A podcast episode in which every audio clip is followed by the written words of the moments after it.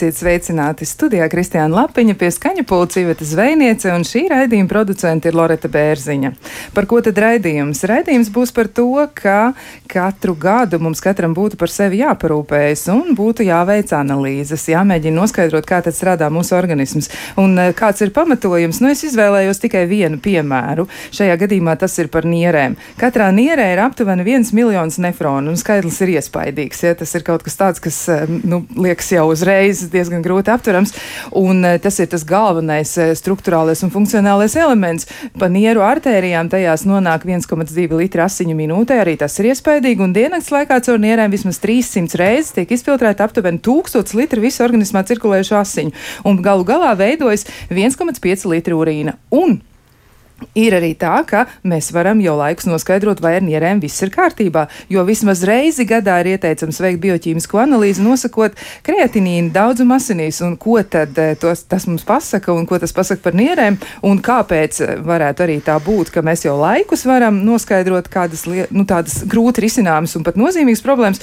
Nu, to mēs arī šodien jautāsim studijas viesiem, un pie mums ir. Mm, Gulbja laboratorijas valdes loceklis, laboratorijas ārsts Digis Gavars. Sveicināt! Labrīt! Un vēl pie mums ir arī medicīnas firmas dziedniecība laboratorijas galvenā ārste Olga Kutīna. Sveicināti! Labrīt! Nu, lūk, mans pirmais jautājums ir eh, par to, nu, kāpēc vispār tad vajadzētu veikt analīzes. Jo nu, ir tā, ka diezgan daudz cilvēku jau zina, ka tas būtu jādara, bet eh, nu, nu nedara. Vienalga nedara. Varbūt eh, vispirms mēs varētu šo jautājumu uzdot arī Digim Gavaram. Nu, jūs noteikti novērojat arī, kā laboratorijas ārsts, jūs redzat, ka tur ir daudz dažādas pārmaiņas, par kurām iespējams cilvēkiem būtu bijis iespēja apdomāties pirms tam, vai varbūt novērst kaut ko jau, ko jūs jau tur redzat. Bet kāpēc tas būtu jādara? Kāpēc tad reizi gadā vajag? Es neteiktu, ka reizes gadā tas ir e, individuāli un, un noteikti atkarījās no, no e, vecuma grupas un, un e, veselības situācijas, jo, jo akūtos un, un smagos gadījumos vairākas reizes dienā ir nepieciešams monitorēt kopējo stāvokli un, un, un kādu orgānu nu, īpašo situāciju. Bet, es ne, neko negribētu pārmest cilvēkiem, ka viņi kaut ko nedara. Eh, tāpēc ka eh, laboratorijas mm, diagnostika ir viens no nu, sastāvdaļām kopējā, kopējā mehānismā. Un, un, eh, tā, tā, tā ķēde ir tik stipra, cik ir katrs no tiem posmiem stiprs. Ja? Un, ja gadījumā kādreiz ir kaut kas trūcis vienā vai otrā vai trešā Eh, posmā, tad eh, tas eh, viss rezultāts noteikti būtu varējis būt labāk. Ja? Līdz ar to tiem cilvēkiem, kas šajās lietās ir bijuši iesaistīti un būs iesaistīti, es varētu teikt tikai to, ka, ka nu, tomēr, ir, tomēr ir atbildīgi, dziļi jā, jāpiedalās savas, savas uh, veselības uh, krīžu un, un ne tikai krīžu novēršanā, un, uh, un, un, un, un visi tie nepieciešamie posmi jāveic.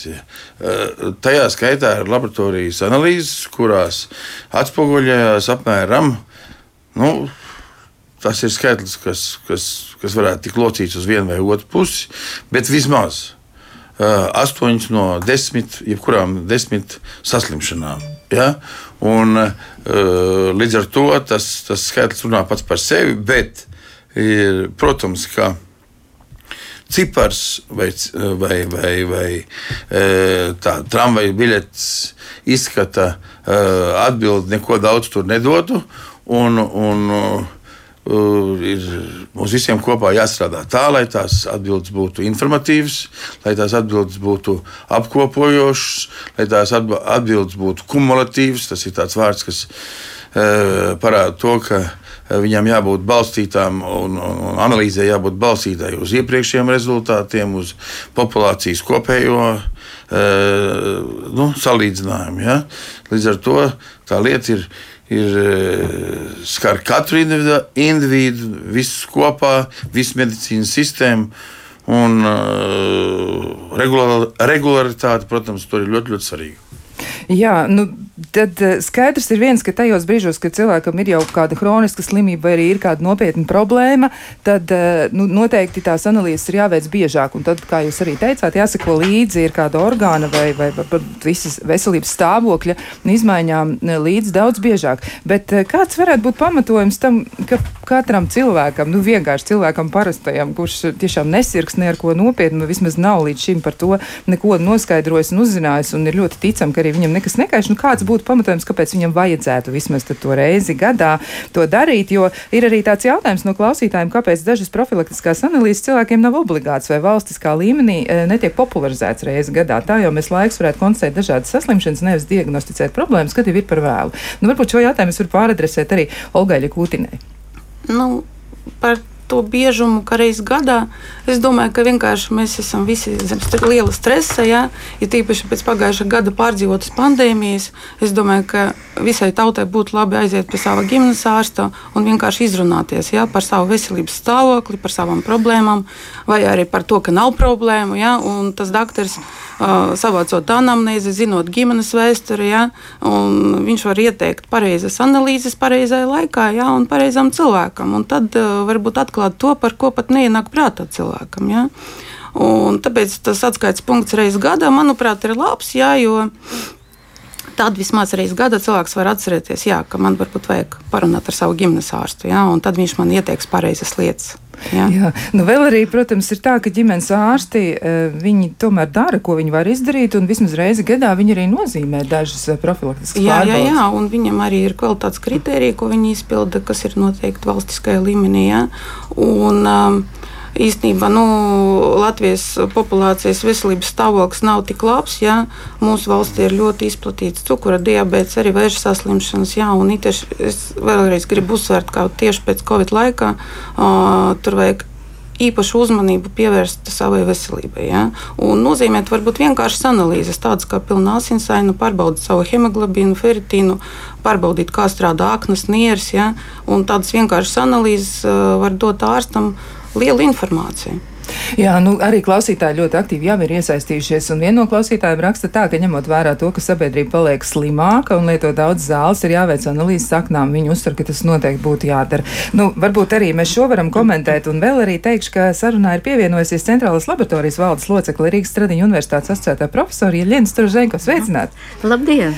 Jā, un nu, jautājums eh, varbūt uzreiz arī jums par to, jā. nu, piemēram, aknu veselību. Jā, jā, un, un... Nu, jā eh, es absolūti piekrītu tam, ka profilaktiski profilaktiskiem izmeklējumiem ir jābūt. Jāatcerās vēl tāda lieta, kura saucās par ģenētisku predispozīciju. Ja? Tad, tad, līdz ar to mūsu vecāki vai radinieki slimo ar kaut kādām saslimšanām, un līdz ar to ir vērts varbūt biežāk pārbaudīties uz kādiem kardiovaskulāram saslimšanām, jau uz tiem rādītājiem, uz dažādiem aknu rādītājiem vai uz veikto lipidu profilu un tā tālāk. Ja? Un arī runājot par izmeklējumiem uz aknām, ja, ir jāsaka, jā, ir tādi izmeklējumi, viņi principā ir gan specifiski tieši aknām, gan ne īpaši specifiski, jo ražo aknas, ja, piemēram, alatalanīna transferāza vai asata vai, vai citi vai gagatē, ja, bet tāpat laikā, ja, viņi var parādīt arī citas izmaiņas, citus organus. Es teiktu tā, Ko mums parādīja Covid? Covid parādīja to, ka cilvēki slimo ar kaut kādam saslimšanām. Šeit ir jādomā varbūt tieši par orgānu, par sistēmu organiem, piemēram, sirds. Ja, sirds asinsvadu slimības. Līdz ar to ir zināms arī ģimenes ārstiem, protams, specifiskais profils ja, kur varētu paskatīties, vai ir tādi riski. Vai, piemēram, koagulācijas faktori, ko mēs tagad bieži redzam Covid pacientiem, piemēram, post-Covid pacientiem, D-dimēri. Ja. Agrāk mēs to tā skatījāmies, bet neredzējām, lai būtu palielināti rādītāji arī ambulatoriem pacientiem. Līdz ar to jāpaskatās, jā, jo D-dimēri tie ir tie fibrina depozīti, jo tomēr vīrus bojā tieši endotīli var veidoties mikrotrombi, jāpaskatās to. Ja. Tie ir arī nieru marķieri. Ja. Tad, tad tā ir tā, protams, tie ir riska faktori, kad var attīstīties cukuru diabetes. Ja. Bieži saslimšanas vai vairogdziedzeri un tā tālāk. Tad, tad tie ir no, piemēram, no tiem, ja tā runāt vienkāršiem, vienkāršu valodu organi, ja viņiem ir specifiskie marķeri un noteikti kādiem varbūt visbiežākiem, kuri mainās, ja, ir iespēja noteikt, uh, noteikt ģimenes sārs, līdz ar to tur vajadzētu to paskatīties. Tāpat tās arī varētu paskatīties pilnu asinsainu, kā notiek ar hemoglobīniem, bet tāpat laikā paskatīties, kā notiek ar uh, dzels, ar feritīnu, tad, tad nedaudz smalkāk. Un līdz ar to, ja kāds no tiem radītājiem mainās, ir vērts skatīties tālāk. To, ko es gribu pateikt, ka noteikti jāpievērš uzmanība uzmanību savai veselībai tieši tajā pirmajā līmenī, kad var pasargāties, vai kaut ko var atklāt arī nejauši arī nejauši. Es teiktu arī piemēram par tiem pašiem uh, infekcijas slimību marķieriem. Piemēram, nu, biežākie, ko mēs uh, aicinām iedzīvotājus izmeklēties, tas ir antigels pret HIV, kas ir tomēr, diemžēl, Latvijā. Mēs esam gandrīz pirmā vieta Eiropā pēc saslimstības rādītēm.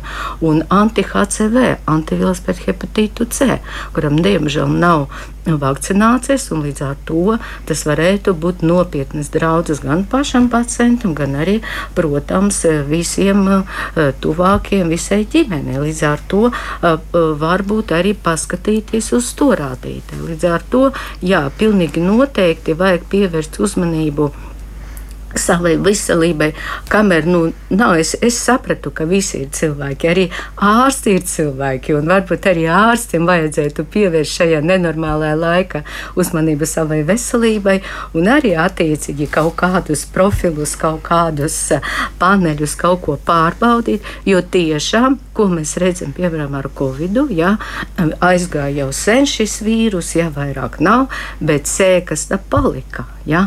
Un tad līdz ar to tie ir tie paši visi rādītāji, kuri nosaka, kā funkcionē aknas, kā funkcionē nieras, kā funkcionē sirds, kā funkcionē uh, vairogdziedzeres un tā tālāk. Un vai nav kaut kādi varbūt onkomarķeri vai kas cits. Ja? Tāpēc nu, tā kā, nu, tāda, tā varētu būt tāda kompleksa pieeja, paskatīt, ja kaut kas skaists nu, tad, protams, jā, tas jau ir tas, tas tā kā um, būtiņa, tāda ir tāda novirze, uz kurien jāiet. Jā. Bet, principā, tīpaši tie, kuri ir pārslimojuši ar covid, tas visi zina to long covid, jā, kādas sēkas var, diemžēl viņš ietekmēs visu populāciju, bet arī vienkārši arī varbūt nebija tas saskars vai nebija diagnosticēt, ir vērts paskatīties uz tādiem radītājiem, tāda, tāda kompleksa. Un kaut kas aizķērās, ja kaut kāds kāds, piemēram, ala pēkšņi parādījies, ja, ir vēl vērts skatīties tālāk, citus fermentus, ja, pārbaudīt, citas funkcionālas izmeklējumus veikt. Jā, nu tā tad noteikti ir pamatojums. Tas ir pilnīgi skaidrs, ka tas būtu jādara. Nu, vēl arī viens no klausītājiem saka tā, ka no savas pieredzes var teikt, ka cilvēku analīzes nodod labprāt, bet daudzi ārsti neprotās atbildīgi izskatīt, salīdzināt ar iepriekšējām analīzēm un atrast sakarības. Un tikai tad, kad ir katastrofāls izmaiņas, tad tam tiek pievērsta uzmanība. Nu, te ir labs jautājums par to, vai mediķiem arī pašiem izdodas šīs sakarības izskaidrot, jo jūs esat specializējušies šajā jomā, tad jums ir skaidrs nu, nu, ļoti daudzas lietas, jūs zinat tiešām līdz niansēm. Kā tad ir? Varbūt jūs varat arī e, komentēt šo situāciju. Varbūt mēs arī šo jautājumu varam uzdot Digim Gavaram. Varbūt jūs no savas puses kaut ko varat piebilst. Tā ir vissvarīgākā lieta mūsdienās, jo, jo jebkuram um, ir arvien vairāk un vairāk, vairāk uh, skatu punkti, pienākumi. vajadzības, jebkurš izmeklējums, jebkura mm, darbība ir vien plašāka, bet diennaktī tās pašas 24 stundas nu, paliek. Līdz ar to veids, kādā veidā nu, likt priekšā, vai stādīt priekšā, vai prezentēt, vai ziņot tos rezultātus, uh, uzkrāt datus un, un izlobīt to svarīgāko, vērst uzmanību gan ārstiem, gan viņu pacientiem. Ja? Uzsvērt, tas ir ļoti, ļoti būtisks. Visi zina piemēru par, par nu, vizuāliem izmeklējumiem, ko agrāk sauc par engenu. Tagad nu, tur ir desmitiem Nu, daudz dažādas vizualizācijas. Da, jā, jā. Bet, mm, vēl tad, kad es mācījos, tad bija ļoti svarīgi arī jebkuram citam ārstam spēt nolasīt to rengenogrammu vai kā. Nu, praktiski jau pašlaik tā situācija ir tāda, ka tā, tā, tā, tā informācija tiek nodota slēdzienu veidā, īsi, kodolīgi. Līdz ar to, un, un, ja, ja salīdzinu to, ja katra tā, tā izmeklējuma nu, interpretācija atkarāt, atkarātos no tā, vai tas vai cits speciāli, speciāli tāds ārsts spētu iziet visam cauri. Ja? Tad arī laboratorijas analīzēm noteikti ir nepieciešams turpmāk ļoti, ļoti daudz pievērst uzmanību tam, kādā veidā, nu, tā ar modernu vārdu sakot, komunikācija vai, vai rezultātu paziņošana vai uzmanības pievēršana, pievēršana vai jā. informācijas, būtiskas informācijas nodošana tiek, tiek, tiek veikta, kādā veidā tie dati tiek apstrādāti. Un faktiski, ja agrāk runāja par laboratoriju, tad, tad, tad tas nu, tā nozara mainījās, kļuva arvien plašāk, plašāk teica, in vitro diagnostika. Tagad apvienojot nu, informācijas tehnoloģijas, kas nāk palīdzīgā un to pašu laboratorisko analīžu uh, uh, veikšanu, sagatavošanu un, un tā tālāk. Tā tālāk. Tad ļoti bieži lieto vārdu siliko. Tas nozīmē, ka ir apvienojums starp, starp analīzēm un, un informācijas, informācijas apstrādi. Tātad tas Jā, arī ir viens no, no, no, no darbiem, kas visai mediķu vai medicīnas sistēmai, sistēmai ir jā, priekšā. Ir darāms. darāms jā. jā, skaidrs. Nu jā, bet tieši runājot arī vēl papildus varbūt par to, vai ārstiem izdodas interpretēt šos rezultātus. Varbūt arī kolēģiem ir kaut kas bilstams. Noteikti arī gan Ogļu Kutina, gan arī Ļena Staroženko varētu vēl kaut ko piebilst. Kā tad ir? Vai ārstiem izdodas interpretēt šos rezultātus? Nu, es pateikšu, ka tas ir varbūt tas ļoti svarīgs punkts. Jā. Tā ir tā saskarsmē komunikācija, kā arī pareiza re, rezultātu interpretācija, un tas ir kopīgais darbs gan laboratorijā, gan klinicīs. Ko ir jādara laboratorijā? Laboratorijā ir jāņem vērā visi ieteikumi, ko veids, nu, piemēram, Kardiologu asociācija. Kardiologu asociācija mums uh, vienmēr aktualizē Piemēram, kādas varētu būt referenti intervāli eh, lipīdu profilā. Jā, tā, tā, tāda lieta. To mums jāņem vērā, un to mums vajadzētu arī sniegtu informāciju arī ģimenes ārstiem, un vajadzētu arī eh, ģimenes ārstiem būt modriem pie kādiem eh, holesterīniem, augstu, augstu blīvumu proteīniem, zeme blīvumu proteīniem, triglicerīdiem sākas jau tas risks, jā, kardiovaskulārais risks, trombozes risks un tā tālāk. Jā.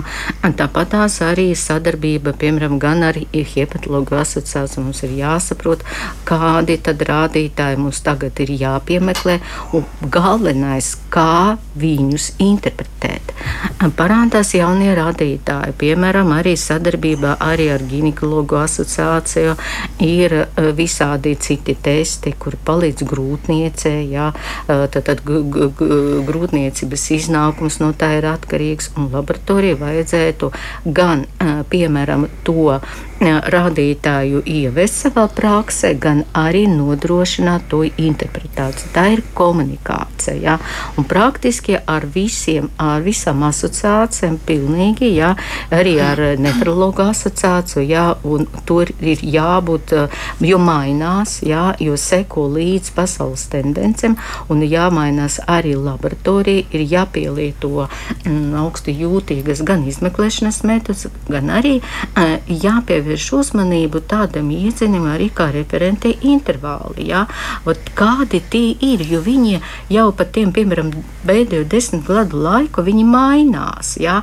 jo ir noskaidroti ka tie riski varbūt ir dziļāki jau pie tādiem pavisam nelieliem radītājiem. Jā. Kaut kāda grupa, nu visi zina, piemēram, par D vitamīnu, jā, kuru vajadzētu paskatīties obligāti, jo tas ietekmē veselu virkni. Tā ir ietekme mūsu imunoloģisko sistēmu, un to jāskatās tālāk. Jāpaskatās uz mikroelementiem, jā, kādi varētu būt, kāds, kādas tur, jo viss tas ir mūsu organisms, tas ir tāda kompleksa kompleksa sistēma, kurā tā kā tie ritentiņi, viņas visi strādā kopā. Ja kaut kas ir bojāts, ja, tas ir tāds uh, varbūt pat neatgriezeniskais mehānisms, ka mūsu teiksim, motors apstāsies. Ja. Jā, tā gan ir. Tieši tā. Arī par tiem eh, nu, intervāliem, ja, par jā. to, kā tad atspoguļos rezultāti. Varbūt arī var Olguļa Kutina kaut ko piebilst, kā tas ir. Jo vienkārši tad, kad cilvēks veic analīzi, viņš skatās uz tiem rezultātiem, viņš redz, kaut kur ir būtiņa uz augšu, kaut kur uz leju jā, bet tas reizēm nenozīmē e, nu, tieši to, ko tas nozīmē tikai tajā skaitļa izmaiņu līmenī, jā, bet tur ir arī daudz nopietnākas lietas. Jā. Laboratorijas tagad ļoti plaši izmanto informācijas tehnoloģijas, un mūsu rezultātu pārskatos visas laboratorijas mēs cenšamies iestrādāt ne tikai normas, jā, tie ir referents intervāli. Jā. Katrai vecuma grupai ir savi referents intervāli. Jā. Un arī apakšā mēs bieži rakstām tādas tabuliņas, piemēram, D vitamīnam, kāds ir optimāls līmenis, kāds ir vēlamais līmenis, kāds, kas ir pazemināts līmenis. Jā. Tad ne tikai ārsts, bet arī parastais cilvēks var saprast, jā, ka kaut kas nav labi. Tieši tāpat tās ir ar riskiem, piemēram, kardiovaskulāru slimību riskiem. Jā, mēs arī dodam, uh, piemēram, augsti jūtīgs C reaktīvais olbaltums, jā, kas ir nosakāms pie kardiovaskulāru slimību risku, risku diagnostikas. Jā. Nu, tad, tad arī tur risks ir pazemināts, paaugstināts, jā, un tad cilvēks var arī sagatavot savus papildus jautājumus ģimenes ārstam, jo tagad ir tā, ka, piemēram, tikko cilvēks nodot analīzes, tos saņem gan ģimenes ārsts, gan pats pacients. Ja? Tad viņš var sagatavoties savai vizītei pie sava ģimenes ārsta ja? un uzdot pareizus jautājumus, kas viņus satrauc. Ja? Piemēram, par grūtniecēm. Laboratorijas nodrošina ļoti precīzu un labu diagnostiku tieši pirmam un otram trimestram. Ja. Visas grūtnieces, tas ir valsts programma, ja, nāk uz laboratoriju pēc ģimenes ārsta apmeklējuma, uz, uztaisot ultrasonografijas izmeklējumus, un tad laboratorijas nosaka divus parametrus, kurus pēc tam aprēķina pēc speciālas programmas, jā, un tad mēs arī grafiskā veidā attēlojam tos riskus, arī uh, zvanam, ja ir kaut kādas izmaiņas kritiskas, jā, mēs arī paši paziņojam ārstiem personīgi, jā, ka tur ir kaut kas nav labi. Jā. Un uh, runājot par to ārstu analīžu interpretāciju. Īsnībā mums ir ar dažiem ārstiem ir mazāk kontakts, bet īsnībā pārsvarā lielākā daļa viņi paši zvana uz laboratoriju, kad viņiem kaut kas nav skaidrs. Ja? Jo īsnībā ģimenes ārsti ļoti satraucās par saviem pacientiem. To es redzu katru dienu. Ja? Viņi zvana, prasa jautājumus, kā ir labāk, varbūt kaut ko papildus nozīmēt. Ja? Un, um, Īsnībā mēs visi, visas laboratorijas, esam, mēs esam cieši kontaktā tieši ar mūsu ģimenes ārstiem, jo tas ir mūsu galvenais lielākais klients. Ja? Jā, tā gan ir. Nu, arī, arī klausītāji ļoti būtiskas lietas eh, piezīmē. Viņi saka, tā, viena no eh, klausītājiem raksta, žēl, ka studijā nav neviena nieru ārsta, bet, ja būtu, tad pateikt, ka nieru rādītājs ir svarīgi noteikti tāpēc, ka nieras nesāp un ir viegli palaist garām problēmas. Pašai pavisam nejauši taisot datoru tomogrāfiju sporta traumas dēļ, tika atklāts audzējas nierē, lai gan nekādu simptomu nebija un paša sajūta laba. Man paveicās, bet, ja ģimenes ārsts regulāro profilaktisko apskašu laikā kaut reizi būtu nozīmējis nieru rādītāju analīzi, iespējams, problēmas būtu atklāts ātrāk un man nebūtu jāzaudē niere. Domāju, arī ārstiem ir jāizglītojas un jāzina, ka mūsdienu medicīna ir vērsta prevencijas virzienā, nevis pie doktoriem tikai tad, ja kaut kas jau sāp. Nu, tā tas patiešām arī ir un būtu labi. Ja tā tas notiktu, bet vēl viens jautājums arī, kādas analīzes apmaksā valsts, vai tādas vispār ir vēl? Nu, tas ir uh, uh, kāds apmaksā valsts. Uh, Latvijas apstākļos noteikti ir viena grupa, kuras uh, analīžu nu, klāsts, kuras ir ārpus uh, valsts uh, apmaksātām, bet tas nav nekāds brīnums, kāpēc. Tāpēc, ka katru gadu, katru no periodu nāk ar vien jaunu, jaunu izmeklējumu klāt. To, nu, bet, Bet un, un tāda situācija, ka visas analīzes, kas tik vien būtu iespējams, uh, jebkuram pacientam uh, apmaksātu, bet. Uh, nu, iespējams, tas nav. Tas ir skaidrs. Bet bet, bet uh, viens vien mehānisms, kādā veidā uh, salīdzinot ar to budžetu, kas vispār Latvijā ir medicīnai atvēlēts, Latvijā var tikt pacients izmeklēts par, par valsts līdzekļiem, nu, tas ir ievērojams salīdzinoši ar ar uh, to, ko vispār varētu sagaidīt. Ja? Jā, nu skaidrs, ka tā kaut ko noteikti apmaksā, bet uh, konkrēti tad vismaz reizi gadā. Jā, varbūt uh, jūs varat arī apmaksā, papildināt. Es varu papildināt, ka tiešām valsts apmaksā pietiekoši daudz, kur jāņem vērā. Ir vesels dokuments, tu visi zini, gan laboratorijas, gan arī visi ārsti ar visām tām manipulācijām, kur ir visādas piebildes, pieminēts, ka, piemēram, to apmaksā arī ambulatorijas, šito, piemēram, kādu manipulāciju vai apmaksā reizi gadā.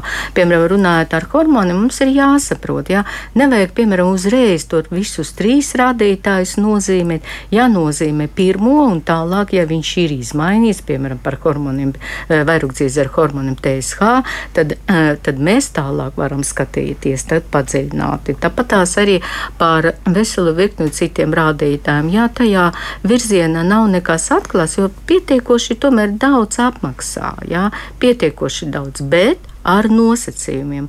Un tie nosacījumi ir virzīti uz to, lai tā nauda tiktu izmantota liederīgi. Sameklējam kaut ko un tālāk ejam pēc algoritma. Un tad, tad, tad īstenībā tad kaut ko tas ir pietiekoši daudz. Ja? Bet tie visādi skrīninga izmeklējumi, ko mēs nosaucam, nosaucam kolēģi, ja? viņus arī apmaksā valsts ģimenes ārstiem vai ar specialista nosūtījumu. Varbūt ģimenes ārsts to nevar, bet tad viņš nosūta pēc speciālista, tad speciālists to nozīmē, un tālāk, attiecīgi, tad tālāk var izmeklēties tālāk, jā, varbūt jau cita līmenī, jo ir jāsaprot, ka, nu, viss tas ir nauda un, un, un, un vajadzētu mērtiecīgi. Tas varētu būt veclaiks vārds mērtiecīgi, mērtiecīgi izmeklēt. Jā. jā, labi, e, nu par to, ko tad būtu jādara un arī kas ir tāds, nu, nosauksim to par iztikas minimumu, kam obligāti būtu jābūt, tomēr, ko tad katram cilvēkam vajadzētu darīt, par to un arī arī par vēl daudzām citām lietām mēs runāsim pēc īsa brīža. Laiks jūsu jautājumiem. Tālruņa studijā 6722, 888, un 6722, 55, 99. Mūsu e-pasts, klausītājs, atlatvijas radio.lv. Turpinām sarunu par to, kā rūpēties par savu veselību un kādas analīzes mums būtu jāveic, lai mēs nepalaistu kaut ko garām. Un dažreiz palaist garām tiešām arī gadās, un eh, citreiz arī stāsti ir pavisam bēdīgi. Un eh, viena no klausītājām raksta tā, ka arī mans gadījums veicot pilnu asinsainu katru gadu mm, ir tāds, ja, ka daudz orgānu tomēr netiek aptverti eh, netīšām, veicot magnētisko rezonanci, atrada virsnierē audzēju arī bez simptomiem. Ja, un, nu, jauns cilvēks, tātad 30 gadi, un žēl, ka neuzķēra kaut kā citādāk. Ja tā tad ir tādas situācijas, kur tiešām nav nemaz tik viegli noskaidrot kaut ko, izmantojot laboratoriskos izmeklējumus. Bet atgriežoties pie šī jautājuma, tātad kas būtu tas pats pats pamats, kas noteikti būtu jāizdara, ko katrs cilvēks arī var izdarīt? Nu, tad es varbūt šo jautājumu uzdošu Olgaļa Kutinai. Nu, pasakiet, ko vajadzētu nu, izdarīt, kas ir bez maksas, ko var un ko Mē, vajag. Mēs kā laboratorijas ārsti aicinām visus cilvēkus vismaz reizi gada iedomāties par savu holesterīnu un aiziet pie ģimenes ārsta un palūgt nosūtījumu uz holesterīna līmeņa noteikšanu. Noteikti jāpaskatās uz glukozes līmeni, ja, jo cukura diabetes ir ļoti izplatīta saslimšana Latvijā. Ja. Noteikti pilnā asinsainu, feritīnu. Interesanti būtu parunāt ar savu ģimenes ārstu un izrunāt jautājumu varbūt par alerģijām. Ja, jo laboratorijas tagad arī piedāvā plašu spektru par alerģijas diagnostiku. Ja. Ir veseli paneļi tieši alerģiju diagnostika, ja. ir arī speciāli Latvijai veidoti paneļi, jo ražotāji tagad ražo tādus speciālus reagentus, kur ir ne kaut kādi eksotiski augļi, bet piemēram burkāni, kartupeļi, un tas var būt eh, piens, olas, jā, kas var būt arī aktuāls bērniem, tīpaši maziem bērniem, kad sāk piebarošanas. Jā. Un arī uh, ir tāds ļoti labs tests, kā pārtikas nepanesamības tests, kur mēs varam arī regulēt, regulēt uh, savas diētas. Ja? Uh, jo liekais svars Latvijai, tīpaši pēc Covid, arī bērniem ir ļoti aktuāls. Un, nu, tieši ar laboratorijas palīdzību un sadarbību ar ģimenes ārstu tur var dabūt ļoti labus rezultātus savai veselībai, ja? uzlabot savu dzīvesveidu ja? un dzīves kvalitāti. Labi, bet ko tad var cilvēks izdarīt mājās? Ko viņš var paveikt pats? Kas ir tas, ko viņš var paveikt mājas apstākļos? Kam viņš var sekot līdz kādiem rādītājiem? nu, noteikti savam svaram. Jā, labi, tā tad varam ķermeņa masas indeksu. Ja? Ķermeņa masas indeksam, labi, viņš to var nerēķināt, bet savu svaru viņš var. Spiedienu, jā, asins spiedienu pamērīt, jā. Un, kas saka, uzlabot savus dzīvesveidu, jā, un savus ieradumus. Bet par ķermeņa masas indeksu, arī svaru un arī asinsspiedienu varbūt ir vērts atgādināt, ka tas tomēr nav tāds pasākums reizi mēnesī jā, vai reizi pusgadā, ka tas būtu jādara regulāri, lai sakot sev līdzi. Nu, varbūt ne katru dienu ir jāsveras, jā, bet nu, tomēr ir kaut kāda kaut, kād, kaut kāds optimālais režīms, varbūt eh, nu, stražēji nu, kaut nu, noteikti, noteikti, jā. Tad, tad, tad, tad nu, vispirms mēs tā, tādas absolūti elementāras lietas, jā, bet ko mēs sapratām, klausītāji saprot tad, kad viņi ir, diemžēl, ir spiesti vērsties pie specialistiem, jā, kaut kādam arī kardiovaskulāram saslimšanam, tad visi zina, kad sākas aptaujāt to cilvēku, ko jūs darat, kā kāda ir jūsu diēta vai ir fiziskas aktivitātes. Ja?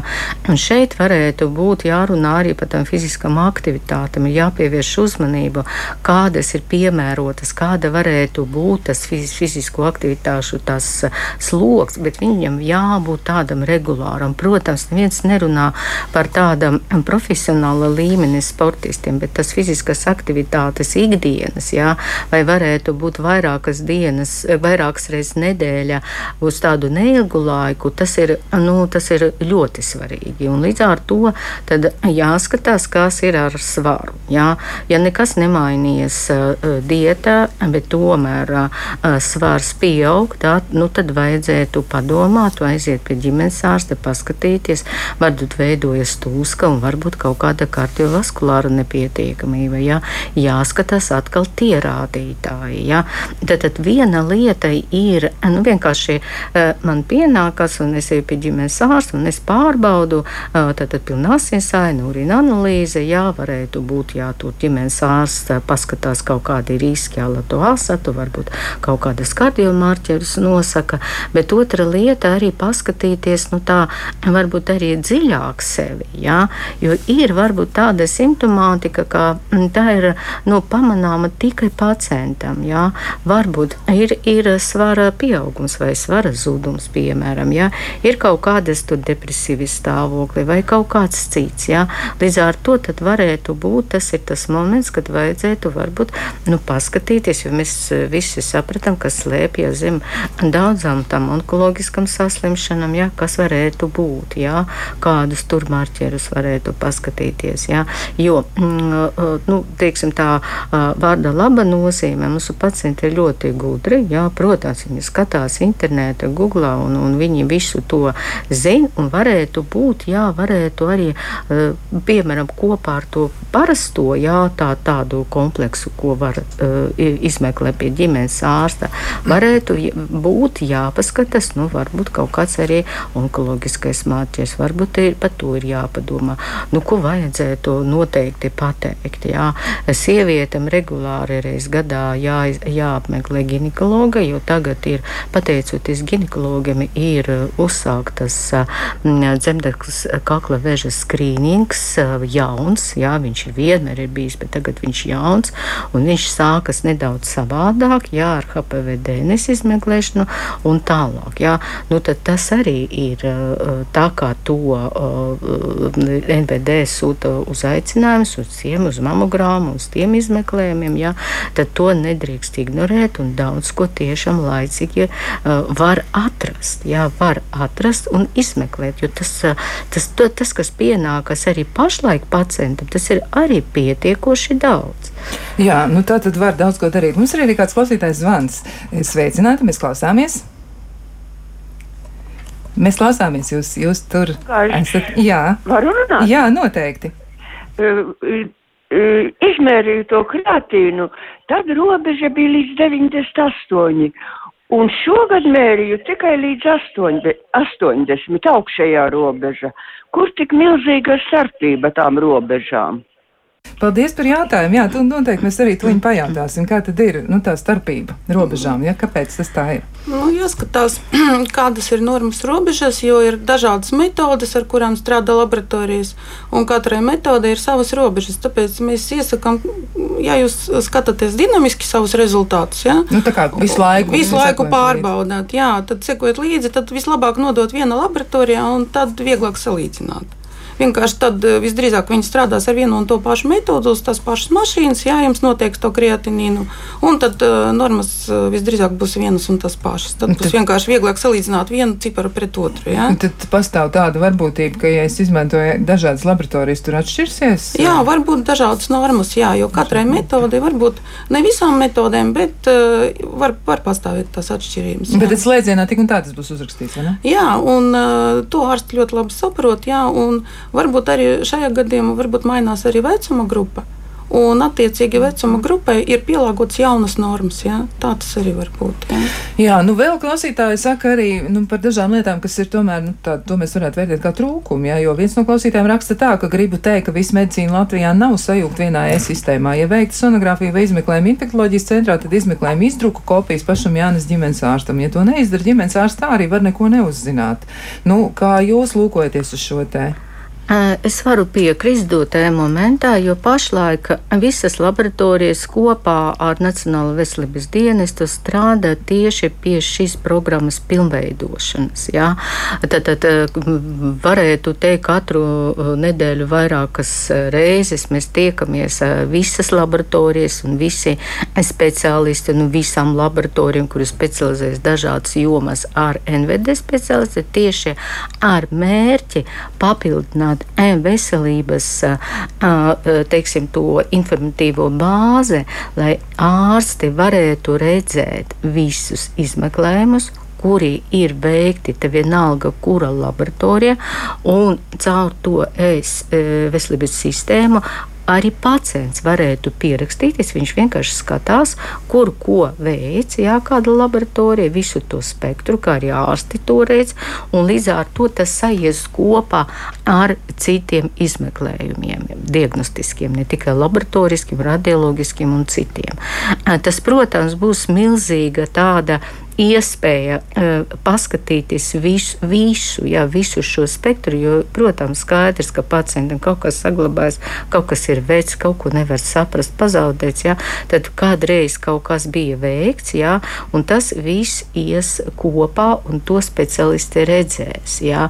Uh, bet vēl tagad pašlaik strādā ar šo lietu, bet cerams, jā, ka tas uh, izveidosies šī kopējā sistēma, kur tiešām vienā vietā vietā visu varēs paskatīties arī par la, gan laboratoriskiem izmeklējumiem, gan arī par citiem izmeklējumiem. Ja? Nu, labi, tā izklausās labi perspektīva. Cerams, ka tieši tā tas arī būs. Nu, vēl arī jautājums, vai vienmēr ir vajadzīgs tikai ģimenes ārsta nosūtījums analīzēm. Nu, kā tad ir? Vai cilvēks var arī pats doties uz laboratoriju? Nu, cilvēks var pats doties, bet tad būs jāmaksā par analīzēm. Vajag vai nu no speciālista nosūtījums, vai no ģimenes ārsta nosūtījums. Tā ir obligāta prasība, lai tas analīzes ir pamatots. Ja tātad, lai vienkārši ne, jā, nu, tad, tad viņus apmaksā valsts. Jā, ja, ja tu gribi pats, tad pašam jāmaksā. Nu, vēl arī jautājums ir eh, ne gluži par laboratorisku izmeklējumu, tādā klasiskā nozīmē, bet arī par izmeklējumu, kurš iespējams varētu būt nozīmīgs un vajadzīgs, proti par elektrokardiogrammu. Un klausītāja jautājums ir tāds, vai tā arī būtu jāveic vienu reizi gadā, vai tas būtu jēgpilni to darīt? Tas ir labs jautājums. tomēr to izvērtē speciālists. Mēs runājam par ģimenes ārstu, tā ir tā centrāla figūra, jā, primārā, pie primārā uh, veselības aprūpe. Bet, protams, ir ļoti daudz dažādu citi speciālisti, tāpat laik, tajā skaitā arī kardiologi, jā, un, protams, arī tie var, var gan pasūtīt izmeklējumus, jā, tad, tad nozīmēt izmeklējumus pacientam, jā, gan arī veikt arī tos visus pārējos citus izmeklējumus.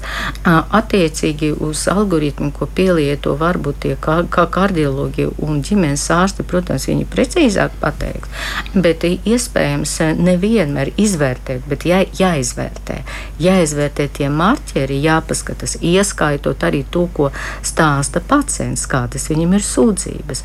Bet, ja nav pamatojumā, ja, ja nav pamatojuma veikt e, e, kardiogrammu, tad es, es domāju, ka nu, ģimenes ārsts laikam to izvērtēs ja nav pilnīga pamatojuma, tad varbūt vajag pacients tomēr sūdzās. Ja? Varbūt viņš papildus izmeklēs un tad pēc tam nosūtīs, ja pēc kāda laika nu, nosūtīs. Nu, skaidrs. Tad tomēr ar ģimenes ārstu būtu vērts aprunāties. Mums ir vēl kāds klausītājs zvans. Mēs klausāmies jūs, lūdzu.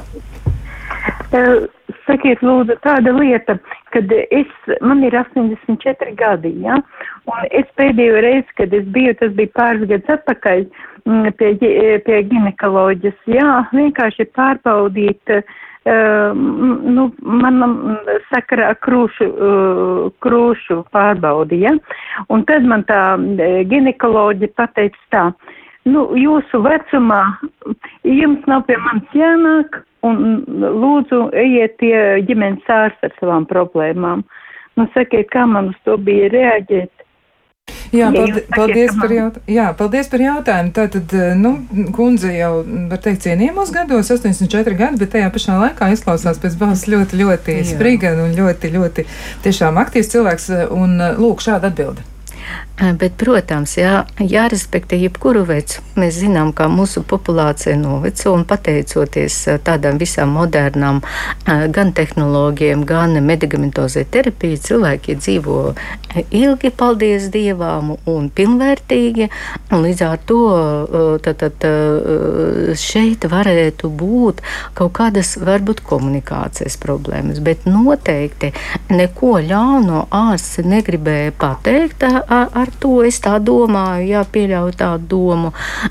Un e, vienkārši gribēju pateikt, ka varbūt to, e, e, ka tie, varbūt tas tā atradne veicot to mamogrammu, jā, viņi bija atbilstoši vecumam, jā, tad, tad viņa bija normāla. Ja?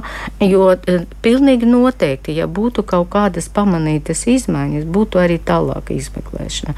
Un es domāju, ka šajā gadījumā vajadzētu griezties pie ģimenes ārsta, jo tur tas apraksts ir. Ja? Un tad ģimenes ārsts skatās un vienkārši tad, tad tas ir šis pamats. Ja tomēr kaut kas ir pamanīts, es domāju, būtu nozīmēti papildus kādi izmeklējumi, bet jā, tā bija iespējams atbilst tam vecuma grupai, jā, tad līdz ar to viņa nu, vienkārši varbūt pēc gada, pēc vai pēc diviem atbilstoši tam algoritmam jāveic to atkārtotu izmeklēšanu. Jā. Es nedomāju, ka ārstam bija kaut kāda nodoma kaut, kaut ko. Kaut nu, varbūt tas ir jā. varbūt saistīts varbūt komunikācijas, komunikācija, jā, komunikācijas kļūda un varbūt tāda neveiksmīga šī saruna ir bijusi. Nu, virzoties uz sarunas noslēgumu vēl burtiski pāris jautājumu. Viena no māmiņām mums raksta. Šodien tēmā ārkārtīgi svarīga ir valsts atbildība, jo šodienas tematā, ja tā tad runājot par šīm lietām, un pirmkārt jau finansiāli zinot, ka Latvijā bērniem ir vāja imunitāte un to rāda biežā saslimšana ar vīrusu infekcijām, tad minētais pārtiks panelis viens, un tas saucamais lielais, būtu jātais katram Latvijas bērnam, lai nav tā, kā nu, ir tādas sekas, ja mēs saskaramies pēc tam, mums ir vīrusu testi, vakcīnas, jā, valstī vēl lielāka līdzekļa jāizdod, nu, lai varētu to kaut kādā veidā nu, palīdzēt šo situāciju risināt, ja nekā likvidēt pašu cēloni. Varbūt vēl var piebilst kaut ko par šo pārtiks paneli. Pārtiks paneli ir jau gan IgE, tas ir tieši alerģijas mehānismam, ja? ir arī pārtiks nepanesamības testi, ja? tas ir IgG klases alergēns, no nu, IgG klases antivielas mēs nosakām. Ja?